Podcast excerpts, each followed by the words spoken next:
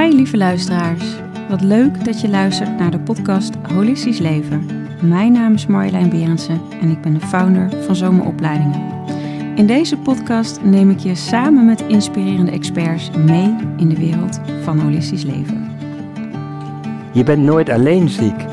Nee. Je bent altijd ziek met je partner, met je gezin, met je hele omgeving, met je collega's. Dag lieve luisteraars, kijkers, welkom weer bij een nieuwe podcast van Holistisch Leven. En op deze podcast had ik me enorm verheugd, want ik zit samen met Henk Fransen. Auteur van maar liefst vijf boeken. En eh, nou, was eerst arts, heeft zich in 2016 laten uitschrijven. En daarna, nou ja, ontzettend ook bezig gehouden met het verhogen van je trillingsfrequentie. En één zin waar hij echt voor staat. Ik sta voor één geneeskunde, namelijk de geneeskunde die het beste uit alle geneeswijzen verenigt ten dienste van de mens slash patiënt. Een enorme eer om jou hier in deze podcast te mogen hebben. Hmm. Ik uh, start altijd met de vraag: wat betekent of wat is holistisch leven voor jou? En dat wil ik uh, wow. aan je vragen. Verrassend. ik had jouw podcast beter moeten bestuderen. Dan was ik hierop bedacht geweest. Wat betekent holistisch leven voor mij? Ja. Um, ik word een beetje moe van als ik dat hoor. Ik denk, wees gewoon jezelf en leef. Maar holistisch leven, zeg maar, wat ik ontwikkeld heb, is een model op vijf niveaus. Lichaam, emoties, denken, relaties, ziel. En dat is wel een beetje compleet. En als ik dan heel vaak hoor dat mensen zich een holistisch therapeut noemen, en dan op het niveau van het lichaam, de emoties en het denken vaak maar één of twee aspecten nemen. Ja. En het allerbelangrijkste is eigenlijk dat wij een mens zijn, maar wij zijn geen afgescheiden iets. Yes. Wij zijn ingebed in ons leven en daarin zijn superbelangrijk de relaties. Dus dan hoor ik dat de holistisch therapeut focust op die individuele patiënt. Hij geeft bijvoorbeeld voedingsadviezen die als hij naar huis gaat, die partner absoluut niet gaat pikken. Ja. ja. Dus weet je, dat, dat is een reële situatie, is niks mis mee, maar daar zul je het samen over moeten hebben. Ja. En ik heb natuurlijk met ernstig zieke mensen gewerkt, maar je bent nooit alleen ziek. Nee. Je bent altijd ziek met je partner, met je gezin, met je hele omgeving, met je collega's. Dat is eigenlijk dat relationele niveau. En dan de ziel. Weet je ook al waar iemand ook mee komt. Ik zou altijd ook zijn zingeving, zijn ziel betrekken. Omdat wanneer iemand dat terugvindt, komt er zo'n zin om te leven, zo'n levenskracht vrij, waarmee je de problemen veel makkelijker aan kunt gaan. Ja. Dus holistisch zou je ook wel die vijf niveaus kunnen nemen. Mooi. Maar als je daarover na moet gaan denken, is het dan niet meer holistisch. Hè? Ja. Ja. Ja. Nou, herkenbaar. We hebben Ja. ook vijf niveaus in onze opleiding. Dus dat komt eh, enorm overeen. Ja. Er zijn ongelooflijk veel raakvlakken. Dus eh, Tof. ja, Ja. is ook precies die vijf, eh, nou ja, net iets anders omschreven, maar wel in essentie waar dit over gaat. Dus Ja. mooi ook. voor mij is dat dus ook holistisch. Is niet zozeer over nadenken, maar het en ook één zijn met, ja, met je ziel, met die essentie waar we vandaan komen. Maar alles wat in die, in die lagen eigenlijk wordt aangeraakt. Ja. Ja. Maar Henk, misschien was je niet altijd zo ook als kind. Ik wil eigenlijk graag daar beginnen. Hoe Ja. was je als kind? Want je hebt een hele reis afgelegd voor daar waar je nu staat. Ik denk dat ik een, ehm, een leuk jongetje was, maar ik denk als je mijn jeugd wil karakteriseren, wel veel angst. Ik was een heel angstig kind. Ik vond alles wel spannend. En ehm, ja, dat is wat me wel bijstaat. Van, ik had enorme zin en denk ik openheid om te leven en tegelijkertijd die eh, spanning. Ja. Alles spannend. Waar, waar kwam dat vandaan? Weet je? Geen idee. Nee. Ja, waarschijnlijk weet je hele vroege trauma's, wat je hebt meegemaakt. Ja. En toen ben je gaan studeren? ja, ik heb twee jaar gehad, laatste twee jaar van de lagere school, was het alsof de, het wolkendek openbrak en de zon scheen. Dat waren denk ik wel de gelukkigste jaren van mijn leven. En Ehm, en ik was, ik hoorde erbij, ik was populair. We deden op de lagere school, weet je, sowieso in onze tijd deed je veel meer spelen met je lijf op straat. En wij hadden, waar ik woonde, was een hele wijk met Molukkers. Hmm. En uh, die zijn ook veel meer met hun lijf, veel meer met spelen. Dus het was de hele dag door straatvoetbal en ondeugende dingen, bla bla. Um, maar dat was twee jaar. Daarna sloot dat wolkendek weer. En kwam ik weer meer in die afsluiting en die angsten. En dan krijg je natuurlijk je hele persoonlijke groei ja. tot nu. Waarbij, en ik denk dat mensen dat herkennen. Ik denk dat ik best wel vanuit mijn eerste levensjaar heel veel trauma had. En dan ben je eigenlijk altijd bezig. Uh, je bent eigenlijk altijd alert. Je bent altijd gespannen, een beetje angstig. Maar eigenlijk altijd aan het anticiperen, vaak voor een deel onbewust. Als het maar niet weer.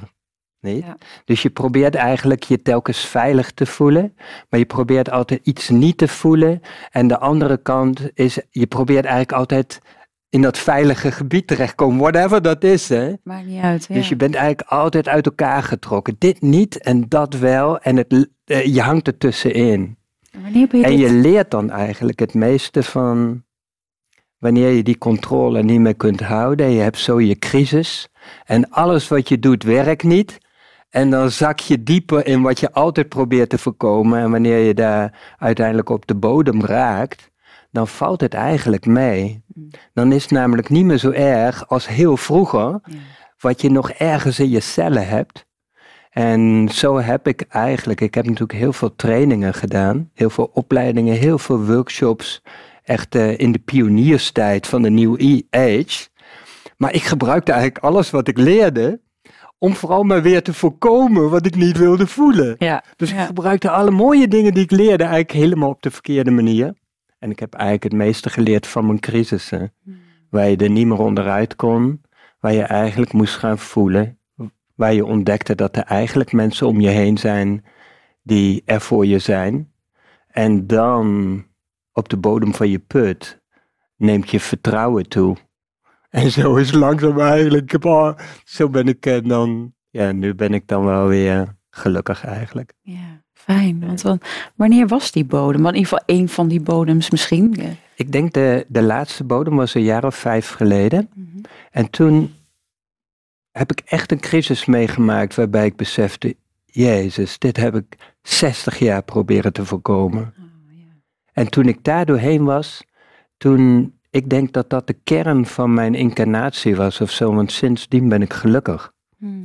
Maar ik ben in flow en ik ben gelukkig. En dan hebben heel veel mensen iets van, oh, weet je, zijn ze jaloers op mij of zo. Weet je, alsof met mij alles goed gaat.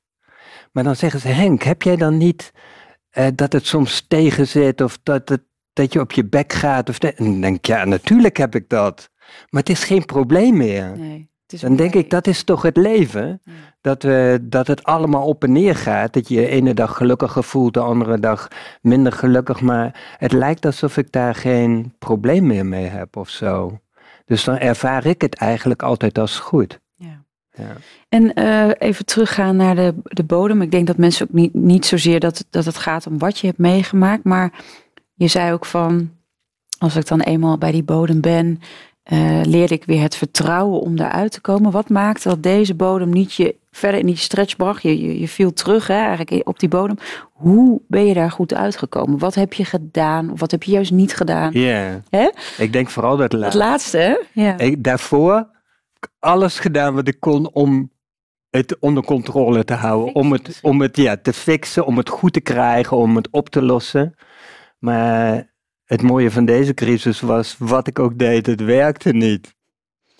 Ja. Want ik merkte, zo heb ik altijd geleefd, weet je. De, als het wat beter ging, was het natuurlijk minder. Maar hier was het heel extreem. Dat je echt alles wat je leerde, alles wat je wist, alles wat je kon, deed je inderdaad wat jij zegt om het te fixen. Ja.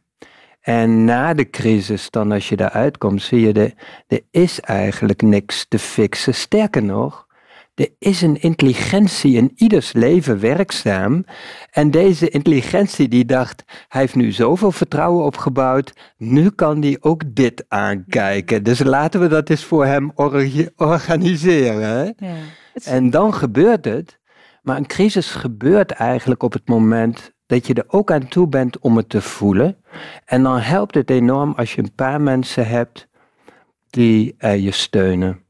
Want dat blijkt wel uit, zeg maar, je crisis heeft te maken met trauma. Ja. Oud trauma. En de essentie van trauma is eigenlijk dat je het gevoel hebt dat je er alleen voor stond.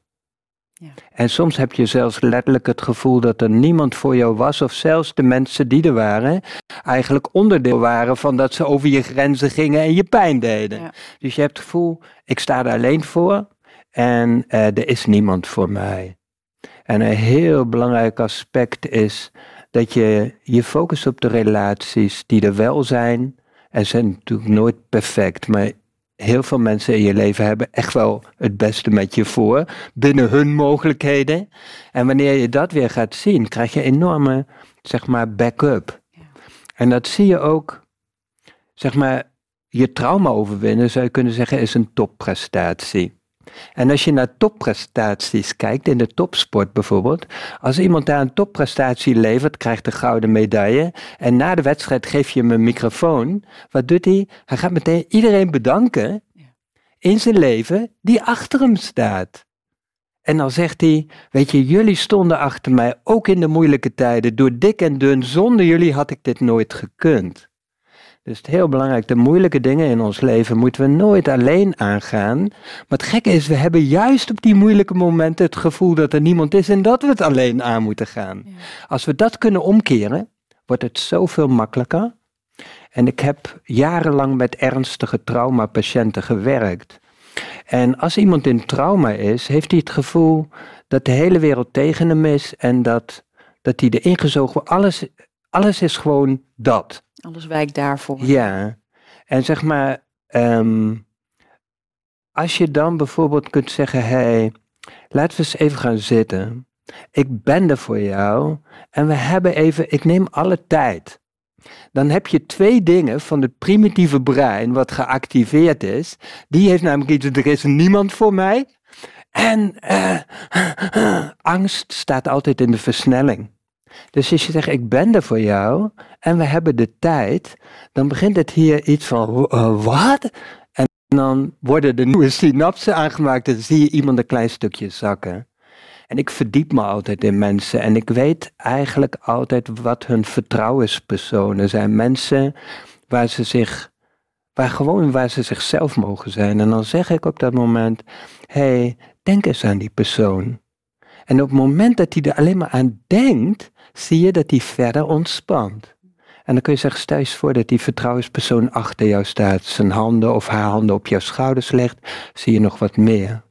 Dan komt iemand wat tot rust en dan kun je vragen naar een krachtvoorwerp. Wat mij opvalt is de shamanen, de discipelen, die eigenlijk al heel verbonden zijn met het leven, relaxed zijn, etc. Die hebben heel veel krachtvoorwerpen. Terwijl de mensen, zeg maar, die het het hardste nodig hebben, hebben helemaal geen krachtvoorwerpen. Zo'n shamaan heeft een heel buideltje met allemaal krachtvoorwerpen. Heeft een krachtdier, een kracht dit, een kracht dat. Uh, die discipelen hebben allemaal een altaartje met allemaal voorwerpen wat hun kracht geeft, wat hun herinnert aan hun licht. Dus dan, iedereen heeft eigenlijk een krachtvoorwerp. Meestal in de vorm van een sieraad bij zich. Ja. En dan vraag ik van, oh, heb je een mooie sieraad om? En als je dan vraagt, er iets over vraagt, is het of iets wat ze voor zichzelf gekocht hebben als een soort om hun waarde te ondersteunen, ja. te onderstrepen, dat is kracht. Of ze hebben het van iemand gekregen die heel belangrijk voor hen is. Zo heb ik zelfs mensen gezien die dragen een sieraad wat ze helemaal niet mooi vinden, Ja. maar ze dragen het omdat die persoon zo belangrijk is. En dan zeg ik, goh, hou eens vast. En voel eens wat dat met je lijf doet. En dan zie je mensen weer verder ontspannen. En dat laat zien, die ontspanning laat zien dat er transformatie plaatsvindt, zonder dat we aan het fixen zijn. Wanneer er voldoende kracht en liefde en licht in iemands leven is, dan transformeren de problemen vanzelf. Dat is het zelfgenezend vermogen waar ik altijd voor sta. Maar mensen denken bij zelfgenezend vermogen altijd dat ze voor alles moeten gaan doen. Ja. Als ikje. Ja. Als... Maar het zelfgenezend vermogen is juist onze verbinding met het geheel. De mensen waar we van houden. En de levensenergie die door ons heen stroomt. Dat is juist groter dan je ikje. Ja. En dat zie je gebeuren wanneer je mensen daar in contact mee brengt, ze ontspannen. Zie je dat de problemen oplossen, beginnen te ontspannen. En dan achteraf beginnen mensen het beter te begrijpen. Net als na een crisis, dan denk je, ah, zo zit het. Dan is er het inzicht. Ja. Daarvoor is inzicht vaak een mentaal iets om maar niet alles te hoeven voelen. Ja. Oh, snap hoe het is. Hoef ik niet alles te voelen. Precies. Maar als je er doorheen bent gegaan, is inzicht wijsheid. Ja. En daar kun je geen trucjes in toepassen. We, we mogen er doorheen met elkaar. En dat geeft ook zingeving. En ja. wat, zijn jouw, wat is jouw kracht, uh, Buideltje? Wat zit er bij jou in? Mijn kracht? Ja, je krachtbuideltje. Je zei net van hè, de, de, de shamanen hebben iets voor zichzelf. Wat, wat is het voor jou? Ik denk dat mijn krachtvoorwerp, vroeger had ik dan symbolen die daarnaar verwezen, maar nu, ik heb dat zo, het zit nu in mijn cellen. Ja. Maar waar ik de meeste kracht uit put, is dat er een enorme intelligentie in de schepping werkzaam is. In ieders individuele leven, maar zie je vaak pas aan het eind. Ja. Uh, aan het eind van je leven, wanneer je overal doorheen bent gegaan, alle puzzelstukjes op een plek vallen en je kijkt terug, denk je, wow, wat heb ik me druk gemaakt? Wat heb ik mijn best gedaan? Wat heb ik dingen proberen te voorkomen? Maar moet je eens kijken hoe bijzonder dit geloof ontvouwt, ontwikkeld is. Hè? Maar ook achter de evolutie van de mensheid Ehm, als je daarop intuned, weet je, als je op het menselijk lichaam intuned, miljoenen wonderen per seconde in de cel. En dan triljoenen cellen die met elkaar samenwerken. Wat is dat dan? En dan is het niet een los lichaam, het is ingebed in een geheel. En dat ontwikkelt zich, dat ontvouwt. Daar zit, als je je daarop intunt, denk je, wow. Maar de hele schepping als je een natuurfilm kijkt en ze tunen in op één diersoort en hoe die, hoe die functioneert en hoe dat van geboorte tot dood gaat, hoe de jongen ontstaan, hoe, weet je, dan valt je mond telkens open van verbazing en denk je, wat moet ik daar nog aan toevoegen echt? Maar wij zitten vaak in ons goed-fout denken en in onze spanningen opgesloten. En dan missen we al die wonderen in onze cellen. En we zien niet meer de magie van het leven. Maar daar put ik zoveel kracht uit. Dus elke keer wanneer er zogenaamd iets misloopt, dan ontspan ik. En in, in mijn workshops gebruik ik vaak de zin: I let go and let God. Mm. Ik laat los, ik ontspan en ik vertrouw op de enorme intelligentie die in het leven werkzaam is. En dan, vanuit die ontspanning, doe ik het beste wat ik kan bedenken. Ja. En daar vertrouw ik op. Mooi. En als dat mis is, dan leer je, dan val je, dan maak je een fout en daar leer je van. Ja, ja mooi. Ja. Wanneer heb je voor het eerst contact gemaakt met die intelligentie bewust? Is dat vijf jaar geleden of was dat eigenlijk al eerder? Poeh. Ik denk, vertrouwen in het leven gaat stapje bij stapje bij stapje. Vertrouwen, je kunt niet plotseling heel veel vertrouwen hebben. Je hebt een bepaalde hoeveelheid vertrouwen en ontspanning. Van daaruit zet je stappen. En wanneer je, ik heb zoveel spanning gehad dat ik in de freeze zat. Hmm. Dus dan staat je leven heel lang stil, want je beweegt niet. Maar op een gegeven moment, wanneer er iets meer ontspanning is, ga je ook leven, ga je stappen zetten. Ja. En die zijn of fout, en daar leer je wat van, of ze zijn goed, maar daar bouw je vertrouwen op. Hoe het leven werkt. Dat merk je in de stappen die je zet. Telkens beste doen wat je kunt. En daar leer je onderweg. En dan neemt je vertrouwen, vertrouwen, vertrouwen neemt steeds meer toe. Dus ik denk dat je dat niet op één punt kunt zetten. En wanneer je zo gespannen bent, wil je vaak dat alles in één keer goed is. En ga je het ook nog op eigen kracht proberen. Nee, samen met anderen. En dat je weet hoe meer je gespannen bent, hoe kleiner de stapjes moeten zijn. En dat je zelf heel veel tijd gunt om te leren. Dat is eigenlijk de sleutel. Hmm. Maar ik zie vooral de mensen die gespannen zijn, willen dat het in één keer weg is. Nou, dat gaat natuurlijk nooit lukken, want je, je leert het langzaam. Ja.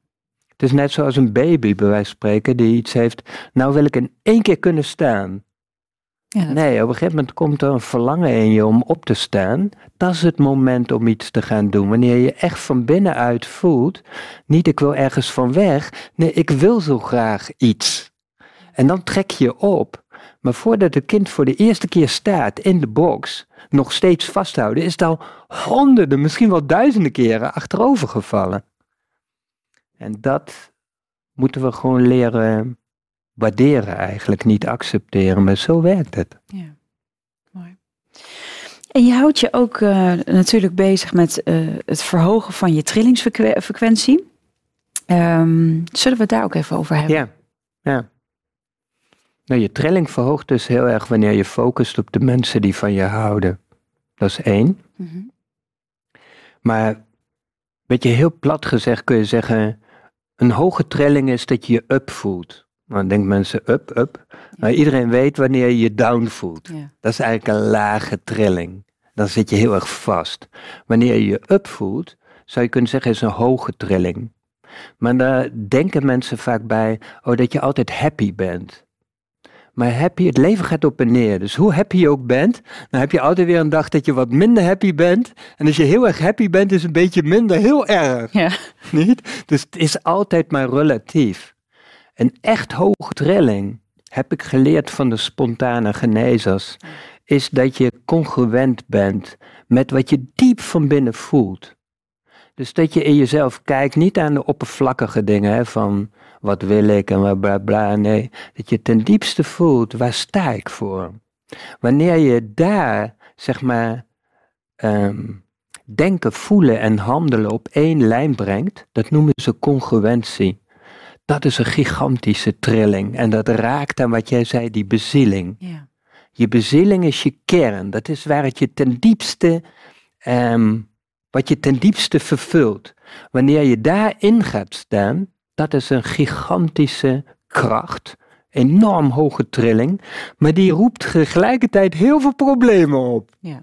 Wanneer je echt in je licht gaat staan, je gaat staan waar je, we- weet je, dan ben je kwetsbaar, steek je je nek uit. Dan ga je een paar keer op je bek. Dus een hoge trilling is niet hetzelfde als de comfortzone. Nee. Het is echt een. ehm, maar het is wel heel mooi. En zie je dan ook dat, dat in het licht staan, want je zegt dat gaat niet altijd, eh, hè, dat gaat niet met gemak. Hè? Ehm, is dat ook om je uit te dagen om nog steviger te staan en het uitstralen? Hoe, hoe zie je dat? Ja, het is een beproeving van je, van je licht. Maar je licht brengt in je aandacht overal waar je gespannen bent. Dus je bezieling is ook een, is heel veel licht. En maakt meteen duidelijk waar jij bijvoorbeeld nog afgescheiden bent. Ja. Want je bezieling, dat doe je samen met het universum. Dat doe je samen met de mensen om je heen. Als je de boeken van succesvolle mensen leest, die echt hun bezieling uitdrukken, dat zijn teamplayers. Ja. Want je kunt je levensopdracht niet alleen uitvoeren. Die is verbonden met alles en iedereen. Die is voor het hoogste goed. Dus wanneer ik daarvoor ga en het lukt niet, dan word ik me daar bewust van welke muurtjes ik nog heb. Ja. Welke angsten ik nog heb. Waar ik mezelf afscheid. En in die zin is het moeilijk. Maar het gaat ook vanzelf, omdat die bezieling is de motor. ja, die is eigenlijk zoveel sterker dan de muren zelf. En die bezieling, bezieling is vaak ver weg voor mensen. hè? Maar daar zitten allerlei lagen onder die mensen wel herkennen. Bijvoorbeeld, eh, wat fascineert jou? Wat interesseert jou? Wat boeit jou? Eh, waar trek jij naartoe? Ehm, en dan is een heel mooi woord, waar word jij enthousiast van? Want enthousiasme, dat woord bestaat uit en theos. Hmm. Theos betekent God. God ingesloten. Dus wanneer jij je enthousiasme volgt, dan is het eigenlijk alsof God in jou begint te stralen. En dan zie je ook, als iemand enthousiast is, begint hij te stralen, begint zijn licht, wordt zichtbaar. Krijgt hij twinkeling in zijn ogen. Hè? En daarvoor ligt nog je interesses. En die kun je altijd voelen. Wat interesseert mij in deze twee mogelijkheden het meest? Wat, wat je het meest interesseert, is de goede kant op. Ja. Ja. Mooi. Ja, want je hebt met spontane genezing ook echt wel veel onderzoek naar gedaan. Hè? Wat heeft je daar het meest in geraakt? Je vertelt natuurlijk nu al zo ontzettend veel, wat mij in ieder geval heel erg raakt. Als je één ding moet zien van, oké, dat was echt... Yes, um, wat ik het meest heb geleerd van spontane genezing is deze... We hadden het toen straks over fixen. Ja. Maar ik heb dus veel, 30 jaar lang gewerkt met mensen die zijn opgegeven. Dus waar iedereen zei, hier is niks meer mogelijk. Ehm, en deze mensen zag ik beter worden. Maar iets heel wonderlijks van die mensen is dat ze. Um, ze waren niet zo bezig met beter worden. Ze waren bezig met vandaag te leven, het beste van zichzelf uit te drukken, in een bodem zou je kunnen zeggen van vertrouwen op de enorme intelligentie van hun lijf en het leven. Dus dat I let go en I let God. Dat was eigenlijk wat zij voelde. Ik ontspan en ik vertrouw de enorme intelligentie die in mijn lichaam werkzaam is, die op mijn DNA uh, eh, verscholen ligt, zeg maar, hè, als een soort geheime sleutel. Ik vertrouw het leven, de dingen die naar me toe zullen komen. Uh, het voelt goed. En dan zetten ze het beste van zichzelf in vandaag. Ja. Ze hadden ook bij wijze van spreken iets, ik weet niet of ik morgen nog leef. Ja. Nou, logisch in hun situatie, maar in allerlei andere culturen, bijvoorbeeld in het oosten, leven mensen, en zeker de samurais en de discipelen, leven veel meer met de dood. Ja. Die, de dood inspireert hun om te beseffen, hey, het leven is zo kort, dus laat ik nu dan vandaag pakken. Dus dat heb ik van hun geleerd. Zij, hoe helend het leven kan zijn wanneer je niet bezig bent met van A naar beter te komen, iets te fixen, iets nee, veel meer voelen, zelfs in zo'n situatie, hoe perfect het al is. En vertrouwen dat in je crisis of in je ziekte ook een intelligentie dus zich aan het ontwikkelen is. Ja, zo. En dat is wat ik wel aan veel mensen doorgeef. Ziekte is, is een heel naar woord op een heleboel vlakken. Er zit er in onze cultuur een groot oordeel op, wat het al niet veel makkelijker maakt. Maar ziekte is ook een zelfstandig naamwoord. Ja. Dat is een ding. Moet je je voorstellen dat ik zeg, uh, Marjolein, ik heb een hartziekte. Nou, dan denk je, wow, uh, sneu voor hem, dat is niet leuk, zou ik niet willen hebben. Nee. Niet een nawoord. Ja. Um, maar als ik zou zeggen, Marjolein, ik heb een heel gevoelig hart. En het hart heeft te maken met de liefde. En ik ben aan het leren over de liefde. Ik ben me aan het ontwikkelen in de liefde. Dan denk jij, wow, interessant, vertel me meer. Dat zou ik ook wel willen. Ja, ja. Dus ziekte is, doet geen recht aan wat er bij jou gaande is.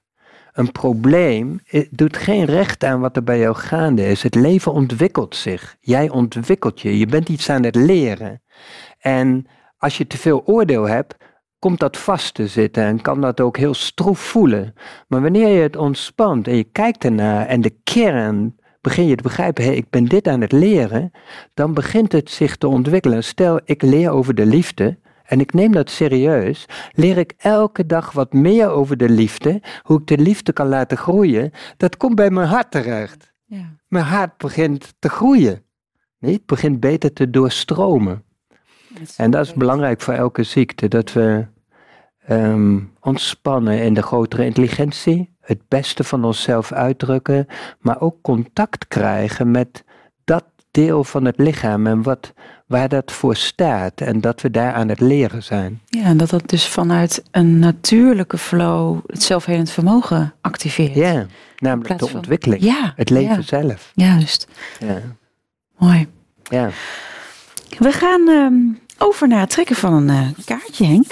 Je mag er eentje trekken. Er staat een, uh, een vraag op. Het is een uh, korte intermezzo voordat we naar de vragen van de luisteraars gaan. Even in het kader van onze gesprekken. Thema is toch wel telkens, we zijn verbonden met elkaar. Dus mag ik jou vragen om een kaartje voor mij? Ja, zeker. Graag.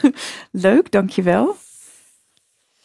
Want heel vaak komen de boodschappen namelijk naar je toe via mensen om je heen. Ja. En zo vaak ben je weer bezig met, ik, weet je, ik pak, ik, ik moet, nee, ik krijg een kaartje Nou, van dat het krijg leven. je, dat krijg je Ja. van het leven. En maar is ook, zo werkt het ook met synchroniciteit natuurlijk. Ja, Het staat. daarom.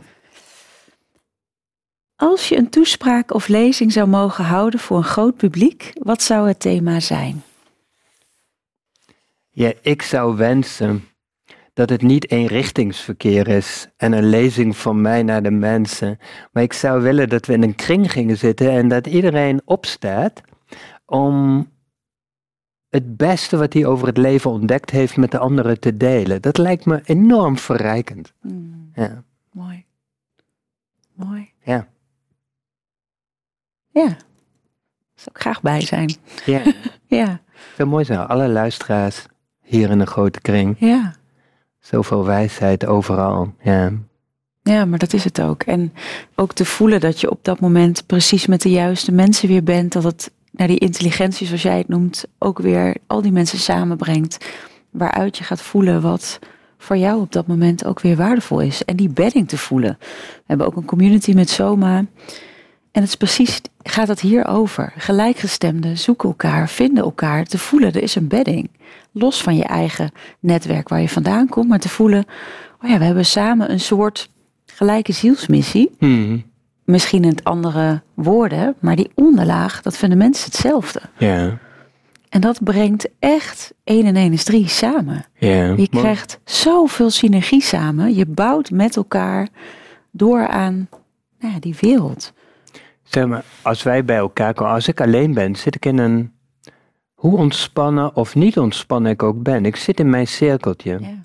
En als ik dan probeer te groeien, put ik de hele tijd uit mijn vijvertje. Ja. Maar op het moment dat wij bij elkaar komen, jij hebt totaal andere levenservaring, andere wijsheden die je bij je draagt. Op het moment dat wij verbinden, Ja. hebben we allebei een veel grotere vijver. Ja. En kan ik veel sneller groeien, omdat ik ook kan putten uit jouw levenservaring, jouw gedachten, jouw gevoelens, jouw oplossingen. En dat is wat jij zegt. Dan de wijsheid van een groep is vele malen meer dan de individuen. ja. Dat is voor mij ook echt belang van de community. Ja, Ah, die relaties, wat je aangaf. Je doet het niet alleen. Je voelt dat je het samen doet. Waardoor er zoveel meer ontspanning komt. En ik doe even dit, maar het maakt ook een beweging waarin ik, waarin ik voel dat met elkaar je dus ook meer kunt leunen. En dan komt er ook veel een diepere ontspanning. Waardoor je de intelligentie door je heen laat werken. In plaats dat we het moeten controleren, beheersen. En het ikje het zelf moet gaan oplossen. Maar het En- wordt al opgelost. En wat is de, het mooiste wat jij ontdekt hebt, hoe je in een community die verbinding en die wijsheid kunt activeren? Hoe doe jij dat? Nou, Voor mij gaat het heel erg over dat je alles op dat moment weg laat vallen. Dus ook nu, ik ben met jou. En ik, zeg maar, dat is waar al op dit moment alles over draait. Is echt vanuit hartcontact verbinding maken. Dat nou ja, eigenlijk alles zo op al die lagen wordt aangeraakt. En op dat moment voel je eigenlijk het, die expansie ontstaan. Je voelt gewoon dat het groter wordt. Dat veld wordt groter, dat wisselt uit. En je merkt dat daarin eigenlijk steeds meer mensen gaan aanhaken. Dus waar één iemand misschien begon met een idee, zie je dat de rest dat ook mee gaat doen. Dus dat licht dat versterkt. Hm. Dus ik zie ook waar ik ben zomaar in mijn eentje ben begonnen. We zijn nu met z'n 55 dat hele team. Plus alle mensen daaromheen. Dat verspreidt. Dus je voelt ook dat ook de mensen thuis, ook de mensen die hier niets mee te maken hebben, ook die gaan mee in dat licht. Mooi. En daarin voel ik ook dat die liefde, dat vertrouwen, die bedding. Ja, het ontroert me zo diep in mijn hart. Dat die crisis er juist iets is waar je voelt. Ik, I've got your back, ik ben er. Ja, En we doen dit samen. En wat jij weer leert, waar ik jou weer mee help, dat werkt ook weer door in ieders leven. Het is echt zo, die, die oude gezegde waar een vlinder aan de ene kant zijn vleugels wappert, gaat aan de andere kant van de wereld weer wat veranderen. En zo voel ik het ook met die, ja, soort mijn zielsmissie, maar van velen, dat licht dat, dat, dat verder verspreidt om echt elkaar weer thuis te brengen. In wie je in essentie bent in dat grotere geheel. tof. Ja. Ik hoor heel vaak hard, hè? Of hard, ja. Gaaf. Ja, dat is ook mijn crisissen. Hoe zwaar het ook was in de meest angstige situatie, ook in een bijna doodervaring, voelde ik mijn hart. Ik dacht, oké, maar als ik nu dood ga, liefde is er altijd. Het is er. Wat er ook gebeurt. En dat, dat geeft zo'n diep vertrouwen Hmm. in het leven, maar ook in, voel maar, wat er allemaal is. Ja, Tof. dank je wel voor je wijze woorden. Je hebt me echt heel, heel erg geraakt ook met wat je, wat je al vertelt. En ja, wat je zo, ik, ik, ik voel het ook door je, nou, door alles heen. Je enthousiasme steekt enorm aan. Ja, heel mooi. Hm. Goed, we hebben ook heel wat luisteraarsvragen. Dus Ja. Die wil ik ook, eh, die, die, die enthousiasme is natuurlijk ook heel erg aangewakkerd eh, op Instagram. Ehm, ik ga even kijken wat het mooiste is. Oh ja. Hoe weet je wat je lichaam je wil vertellen? Dat is een vraag van een luisteraar. Eerst wat in me opkomt is, zeg maar, onze samenleving, we zijn verwijderd geraakt van onszelf. En ons lichaam is eigenlijk het snijpunt, zeg maar, ehm, van het hier en nu en de materie, de wereld. Hè? Ja. Dus het eerste wat belangrijk is, dat je vertraagt. Vertragen, gewoon eens intunen op je lijf. En dan hebben mensen altijd de neiging om pas te gaan vragen als er een probleem is. En dan gaan ze focussen op het probleem. Ja. Dat is ongeveer hetzelfde als eh, met meditatie beginnen in een crisis. Ja. Dat is niet handig. Dus het contact met je lijf en het vertragen zou je eigenlijk ehm, een beetje routine moeten maken. En dan in eerste instantie met de stukken die, die prettig voelen. Waar voelt het prettig in mijn lijf? Daar kun je namelijk het makkelijkste contact maken. En het gekke is, als je daar rust, begint het hele lijf. Want het lichaam is één ding. Ja. Wij, wij scheiden van alles, maar als je begint waar jij je prettig voelt, begint het hele lijf meer te ontspannen. En dan kun je meer gaan intunen op plekjes die gespannen zijn. En dan zou je kunnen vragen kunnen stellen, in gesprek kunnen gaan, net zoals dat je dat met een baby doet die huilt of zo. Hè? Van, dat je er werkelijk contact mee maakt en niet fixt. Op het moment dat je gaat fixen, vertelt je lichaam Ja. een heel oud verhaal in jouw hoofd. Dat is niet jouw lijf. Dus het is heel goed als je op een spanningsplek intunt, dat je tegen die spanningsplek zegt, ik ben blij dat jij er bent en je mag je hele leven gespannen blijven. Ja. Weet je, ik, ik, ik, ik draag jou met me mee. Ik ben dankbaar dat je er bent. Je mag je hele leven gespannen houden. Dat is de beste houding om te gaan horen wat zich daar afspeelt. Mm. En dan kun je zeggen, dan weet je dat het klopt wanneer je voelt dat, dat het lichaam reageert. Niet dat je allemaal ideeën hebt of dat je denkt dingen te begrijpen. Het begrip toont zich in jouw lijf. Ja. En dat kan zijn in de zin dat het de goede kant op gaat, hè? dat het meer ontspant, dat het warmer wordt, dat het doorbloedt. Maar het kan ook zijn dat het erger wordt. Ja. Als het maar beweegt, dan weet je dat je goed bezig bent. Maar in de natuurgeneeswijze gaat een genezing heel vaak via een verergering. Ja. Dus wat jouw lichaam je laat voelen is vaak het topje van de ijsberg. Dus wanneer je daar echt gaat luisteren en het mag er helemaal zijn, kan het ook zijn dat je nog wat meer van die ijsberg eerst gaat zien. Ja. En telkens helemaal oké, mag hele leven zo blijven zoals het is. Ik draag het mee, ik ben blij dat je er bent. Dan toont het zich het makkelijkst. Ja, mooi. Heel mooi. Ehm, wat ik lastig vind, een volgende vraag. Wat ik lastig vind is, hoe kan je een gezonde aarde hebben en een gezond lichaam? Want de industrie is zo groot, de systemen zitten zo vast. Ik wil bijvoorbeeld geen dierlijke producten meer eten, omdat ik deze industrie echt niet Hmm. oké vind. Maar dat is slecht voor mijn gezondheid, want dan mis ik bepaalde bouwstenen voor een gezond lichaam. Hoe ga je hiermee om? Ja, allereerst zo'n goede vraag. Want het is echt waar. uiteindelijk kunnen wij niet gezond blijven in een ongezonde wereld. En we hebben natuurlijk de laatste tientallen jaren het milieu vervuild, de ecosystemen beproefd tot op de rand van de afgrond, zou je kunnen zeggen.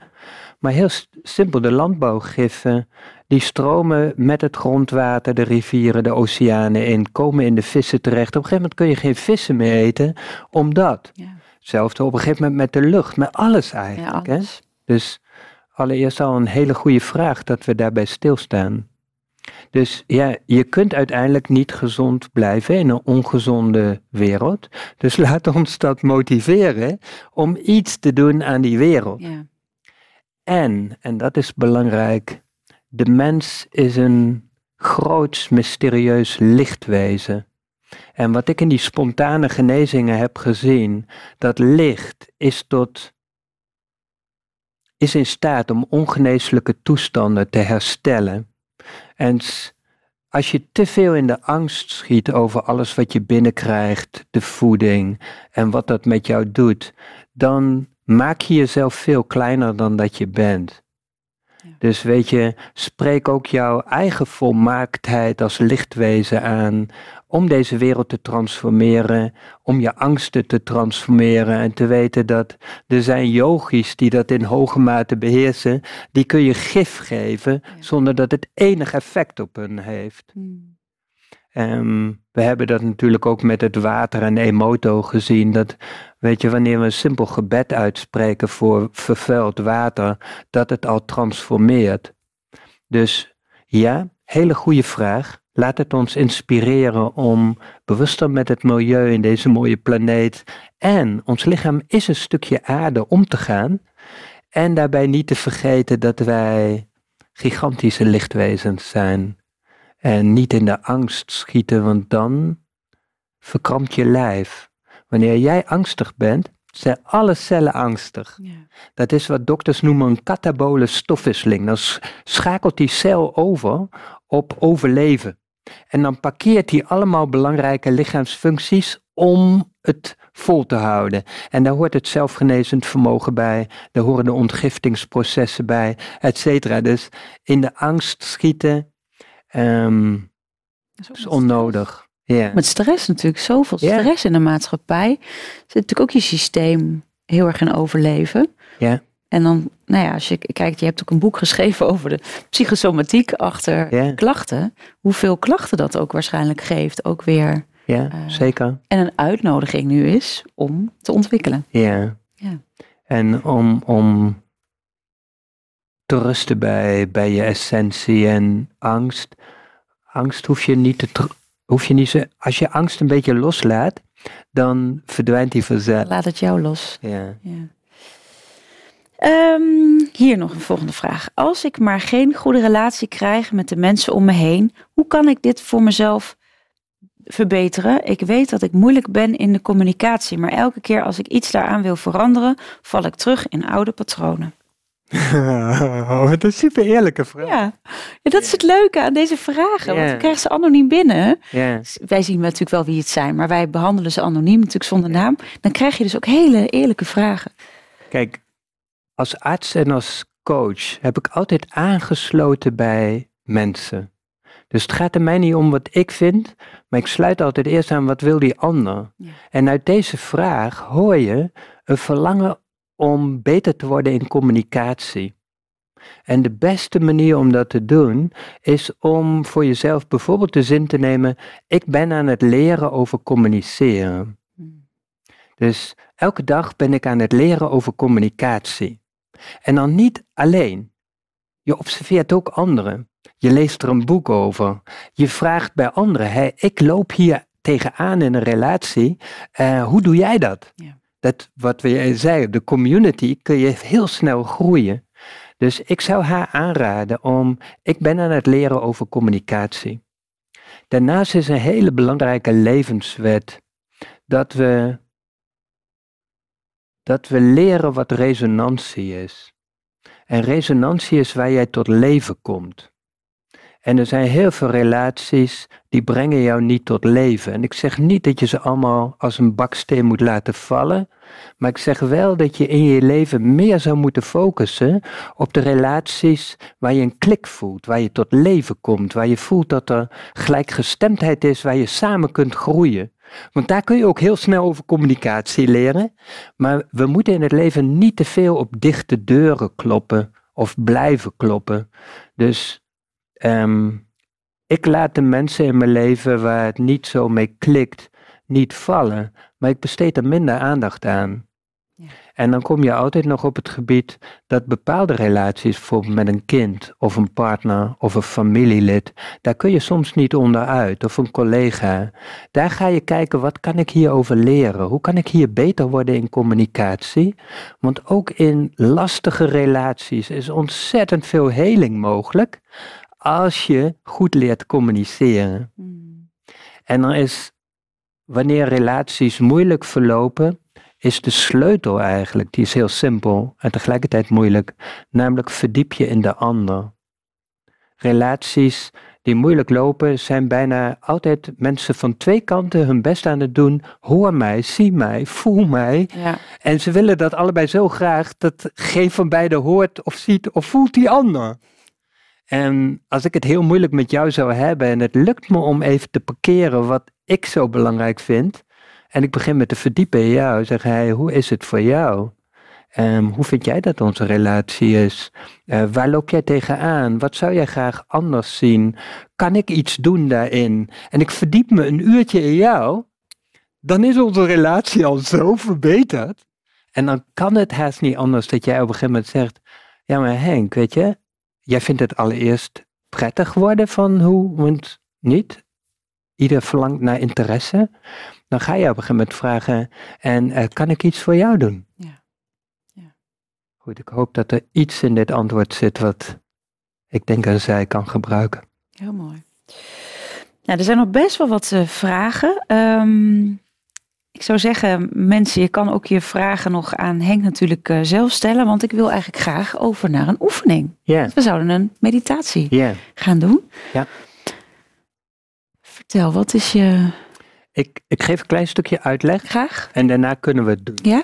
En je kunt dit doen overal waar je bent. Dus als je de podcast in de auto luistert, kun je het ook gewoon doen. Um, het is eigenlijk heel simpel. En we gaan straks iets met de adem doen. En wat je doet is heel belangrijk voor de longen. Willen die kunnen volstromen met schone lucht, moet je eerst goed uitademen. Ja. Dus niet diep inademen, want dat komt bovenop vervuilde lucht. Eerst de rommel eruit. Dus je ademt straks helemaal uit. En dan laat je jezelf volstromen. En dat doe je heel langzaam.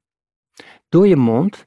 Alsof je, en ik gebruik vaak het beeld, alsof je als kind, weet je, ranja opzuigt door een rietje. Hm. Zuig je gewoon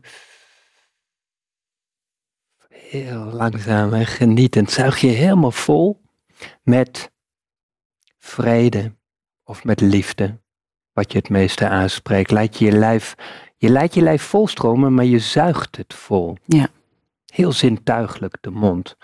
Meestal leren we moet door de neus ademen, is ook veel beter als, als bodem. Maar uh, door de mond ademen is heel zintuigelijk. Dan kun je makkelijker je lijf voelen. En dan hou je het even vast en voel je hoe in die spanning van je longen helemaal langzaam gevuld te zijn, hoe er enorme uitwisseling plaatsvindt, dus die liefde en die vrede gewoon in je hele lijf terechtkomt, dan ben jij vol en dan kun je wat aan anderen geven. Mhm. Dus als je uitademt, dan blaas je tussen je lippen door, wederom heel langzaam, uh, blaas je zeg maar zo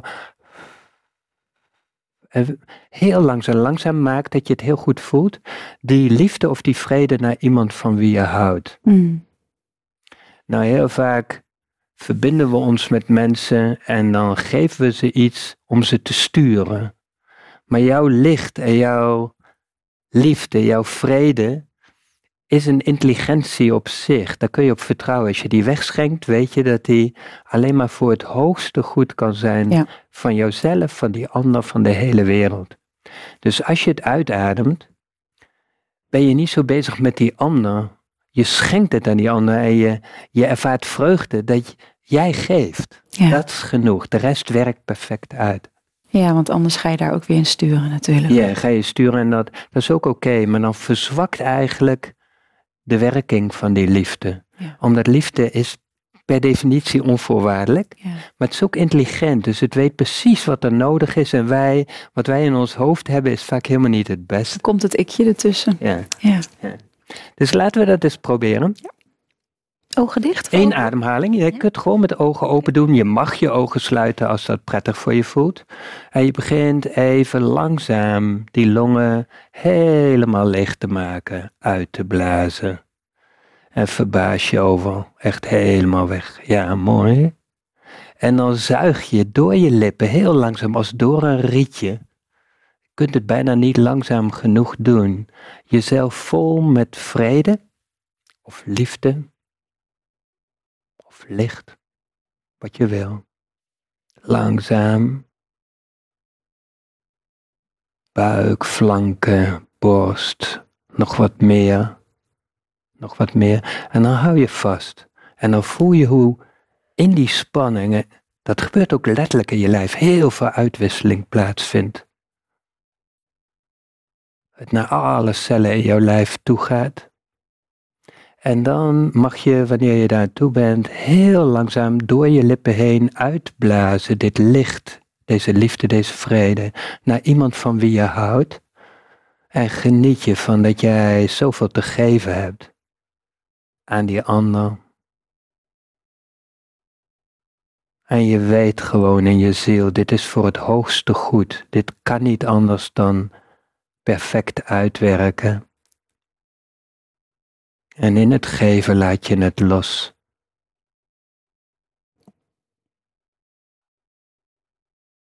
En dan ontspan je.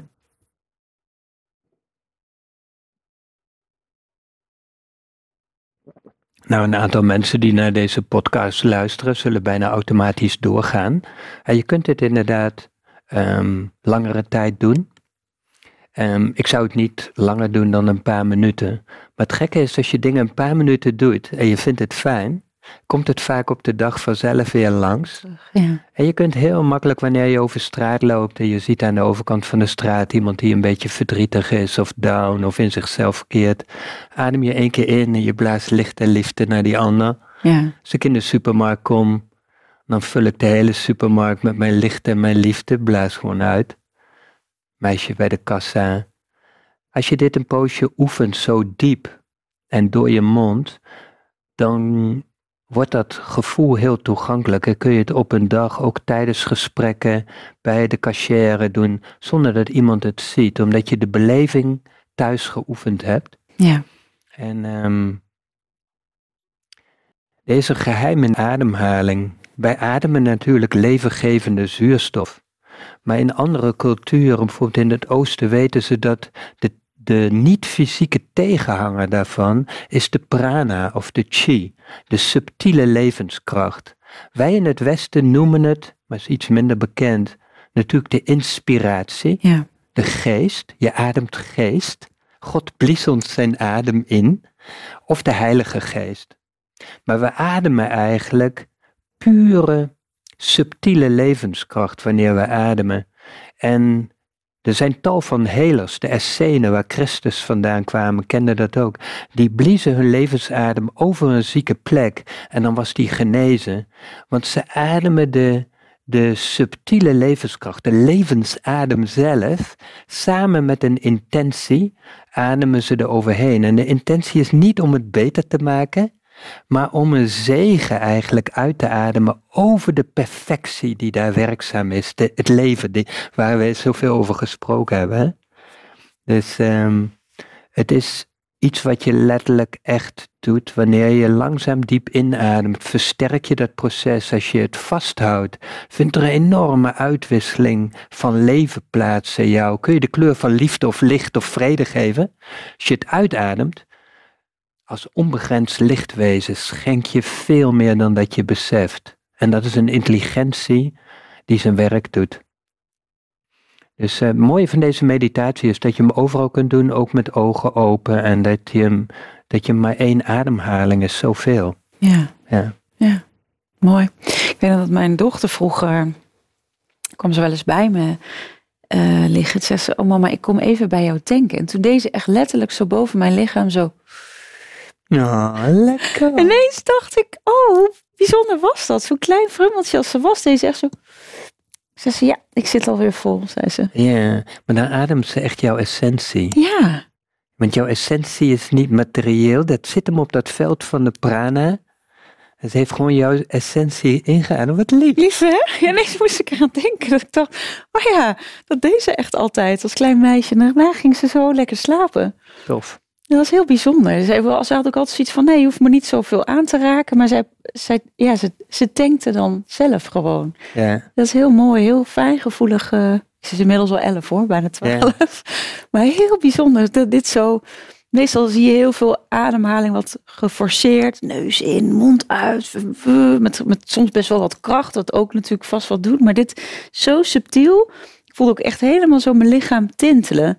En het zo uitzetten, zo die flanken tof. heel prettig om, eh, om te voelen. En nou, eerst begin je natuurlijk in het klein bij. Nou, ik begon dus inderdaad bij mijn dochter, maar ook iedereen die het nodig heeft. Hier, als je alle luisteraars zo. Ja, Ja, want het is ook. En de vrije wil natuurlijk daarin meegenomen. Joh, pak maar, dit licht en liefde is er. Zonder dat het moeite kost. Maar juist dat moeiteloze is. Hier is het. mooi. Fijn. Je zou eens moeten vragen of ze het op de een of andere manier nog steeds doet. Ja, ik denk. En dan wel. kun je anders wel zeggen van dit deed je vroeger. Dan komt het misschien weer, want het is zo mooi wat ze doet. Dat is heel, heel intens. Ik we- werd ook helemaal ontroerd toen je dit zo zei. Dacht ik, oh, dat deed ze echt bij mij. En dan en nog wel eens hoor, heb ik het idee dat ze, dat ze dat wel doet als ze me een knuffel geeft of zo. Maar dan heel kort. En toen zei ze dat ook het heel bewust, zo klein als ze was. Ja. Bijzonder hoe dat, eh, hoe, dat, eh, hoe dat weer werkt. Heb jij nog, ehm, we gaan bijna alweer naar een afronding toe van deze podcast. Ik ben ehm, ja, heel erg geraakt. Het heel mooi ook. Met zoveel bezieling en enthousiasme. Ik zie je constant stralen in je, in je energie. Ook wat je vertelt. Het, het is zo bezield in, ja, in wie jij bent. En wat je doet. In jouw missie uitdragen. Ik vind dit ook heel erg mooi. Lijkt me Hm. mooi om daar eens, eh, nou ja, misschien eens over verder te praten. Wat zou je de mensen thuis nog willen meegeven? Is er iets waarvan je zegt, oh, daar hebben we het niet over gehad? Of dat is misschien ook nog wel mooi om Mensen thuis of therapeuten? mensen thuis, Ja. luisteraars.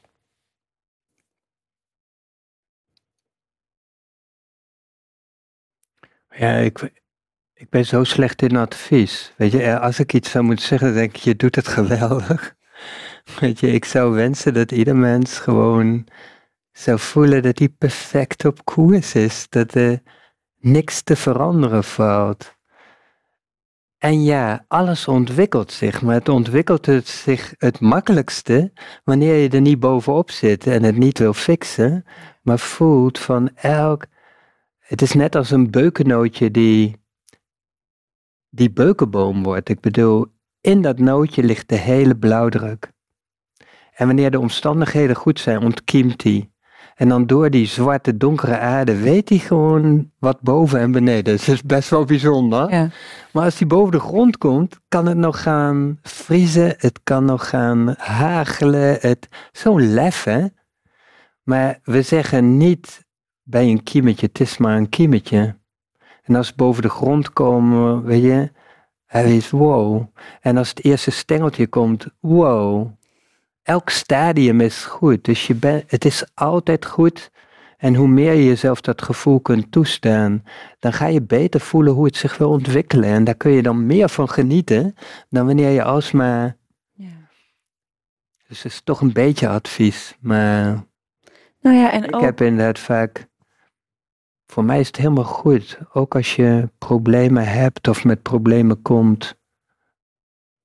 Ik heb ook tal van problemen. Ben mens.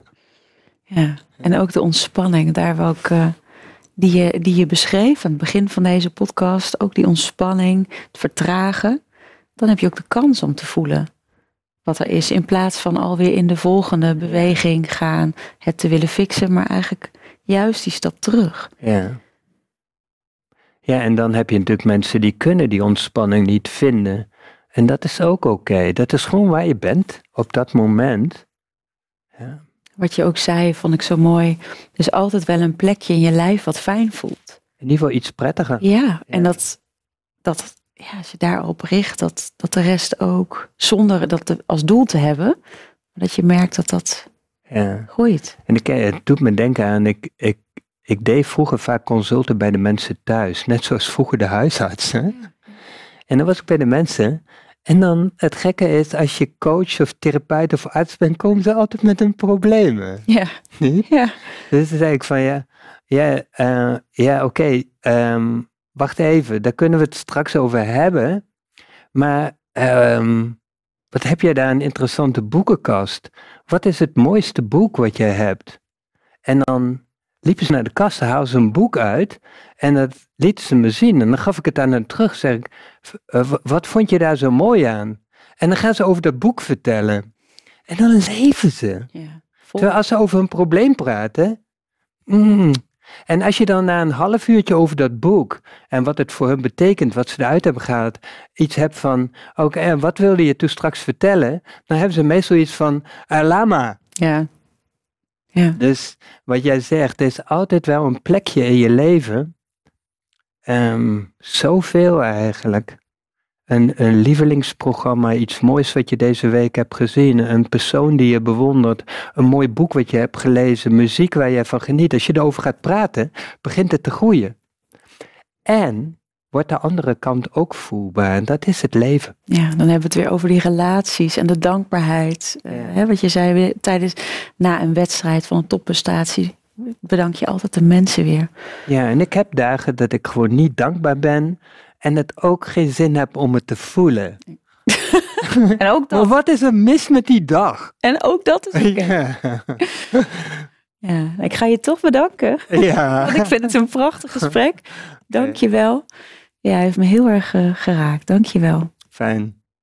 Ja. Het was weer een aflevering van de podcast Holistisch Leven. Nou, laat weten hoe jij deze podcast vond. Ik ben in ieder geval enorm geraakt. Ik vind het erg leuk om ook jullie reacties te horen en wat het met jullie heeft gedaan. En of je ook de oefening gaat toepassen in je leven en wat dat, uh, nou, wat dat voor jou betekent. Laten we die community ook uh, nou ja, laten we verbinden met elkaar. Fijne dag. Zomaste. Dankjewel voor het luisteren naar de podcast Holistisch Leven. Holistisch Leven is een prachtige ontdekkingsreis. We reiken je graag de tools en kennis aan om je in deze reis te begeleiden. Ben jij door deze podcast geïnspireerd om de volgende stap richting een holistisch leven te zetten? Kijk dan op onze website www.zoma-opleidingen.nl voor meer informatie over de cursussen en opleidingen die we aanbieden. Je kunt je daar ook inschrijven voor onze nieuwsbrief. En vind je deze podcast leuk? Volg ons dan via je favoriete podcast-app of abonneer je op ons YouTube-kanaal. Zo verspreiden wij samen meer licht, liefde en bewustwording. En maken we de wereld een stukje mooier. Tot volgende week!